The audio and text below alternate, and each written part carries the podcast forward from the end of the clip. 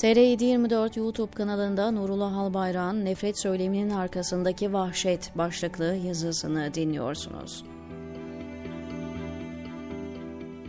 Holocaust gaz odalarıyla değil bir azınlığa yönelik nefret söylemiyle başladı nefret söyleminin sadece ifadelerden ibaret olmadığının en acı tanımlamasıdır bu gerçek.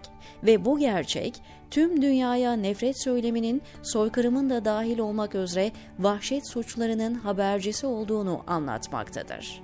Nefreti yaymak için sosyal medya ve dijital platformların kullanılması yeni olsa da kamusal söylemin siyasi çıkar için silah haline getirilmesi ne yazık ki yeni değil.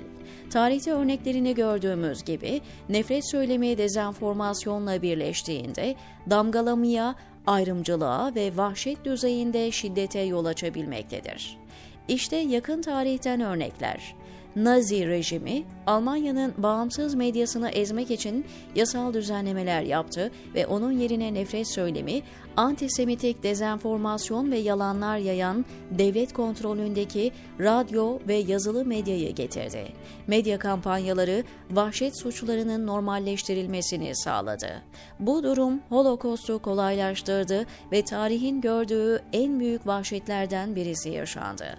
Yaşanan Holocaust gaz odalarıyla değil, bir azınlığa yönelik nefret söylemiyle başladı. 1970'lerde Kamboçya'da Pol Pot'un Kızıl Kimer Hareketi nüfusun kırsal kesimlerini seferber etmek ve iktidarı ele geçirmek için yoğun bir propaganda kampanyası başlattı. Nefret dolu söylem, sistematik olarak entelektüelleri, muhalifleri ve şehirde yaşayan halkı ve aynı zamanda Kamboçya'nın etnik ve dini azınlıklarını Kamboçya halkının düşmanı olarak adlandırdı. 1975'ten ve 1979'a kadar Kızıl Kimer rejimi altında 1,5 ila 2 milyon Kamboçyalı'nın öldüğü tahmin ediliyor. Yaşanan bu vahşetin tetikleyicisi de kullanılan nefret söylemi olmuştur. Ruanda'da uzun zaman devam eden nefret söylemi asılsız söylentiler yayarak ve etnik Tutsi vatandaşları insanlıktan çıkararak etnik gerilimleri alevlendirdi. Bu durum Hutu çoğunluğunu Tutsi vatandaşlarını öldürmeye kışkırtan Radio Libre des Mille Collins tarafından yayınlanan nefret propagandasıyla desteklendi. 1994 yılında meydana gelen soykırımda 3 aydan kısa bir süre içinde 1 milyondan fazla insanın sistematik olarak öldürüldüğü tahmin ediliyor. Kurbanlar bebeklerden yaşlılara kadar uzanıyordu ve ezici bir çoğunlukla Tutsi etnik kökenlilerdi ama aynı zamanda ılımlı Hutu, tıva ve soykırıma karşı çıkan diğer kişiler de bu vahşetin mağduru oldular. Nefret ve dezenformasyon kampanyalarının savaş suçlarını kışkırtma ve meşrulaştırmadaki kolaylaştırıcı rolü Bosna Savaşı'nda da kanıtlanmıştır. Sırpların çoğunlukta olduğu bölgelerde parti kontrolündeki medya yoluyla sürekli milliyetçi propaganda, Bosnalı Müslüman nüfusu ve diğer grupları Sırplara karşı komplo kuran, şiddetli kökten dinci düşmanlar olarak şeytanlaştırdı. Muhalefet de susturuldu.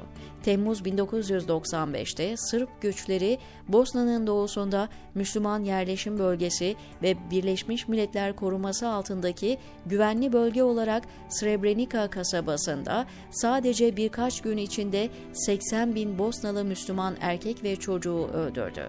Bosna Savaşı 100 binden fazla insanın ölümüne neden oldu. Myanmar'da Rohingya Müslüman azınlığa karşı aşağılayıcı ve insanlıktan çıkarıcı bir dille yürütülen nefret ve yalan kampanyası yaşanan insan hakları ihlallerinin nedeni olarak Birleşmiş Milletler raporlarında yer aldı.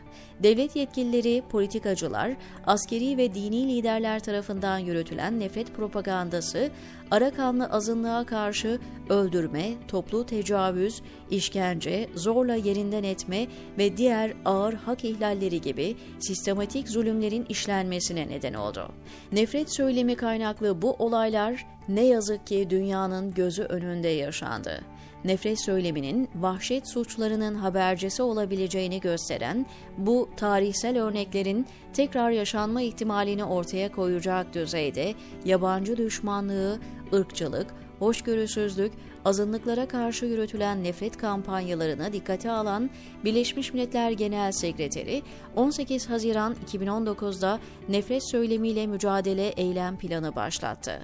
2021 yılında da 18 Haziran tarihi Uluslararası Nefret Söylemine Karşı Mücadele Günü ilan edildi. Birleşmiş Milletler'e göre nefret söylemiyle mücadele kapsamında kişilere düşen sorumluluklardan birkaçı şöyle. Mümkün olduğunca hedef alınan başkaları olsa bile sessiz kalmayın. Nefret söylemine karşı sakin ama kararlı bir şekilde konuşun ve ifadenin içeriğine katılmadığınızı açıkça belirtmek için bunu dile getirin. İlgili olduğunda argümanınızı desteklemek için güvenilir kaynaklar sağlayarak yanlış bilgileri gerçeklerle çürütün. Nefret söyleminin hedefi olan insanlar için kamusal bir duruş sergilemek ve onlarla dayanışma içinde olmak, nefreti reddetmenin her bireyin sorumluluğu olduğunu göstermektedir. Nefret söylemiyle mücadele etmenin bir yolu da, nefretin hakim söylem olmamasını sağlamak için kendi karşı söyleminizi yaymaktır.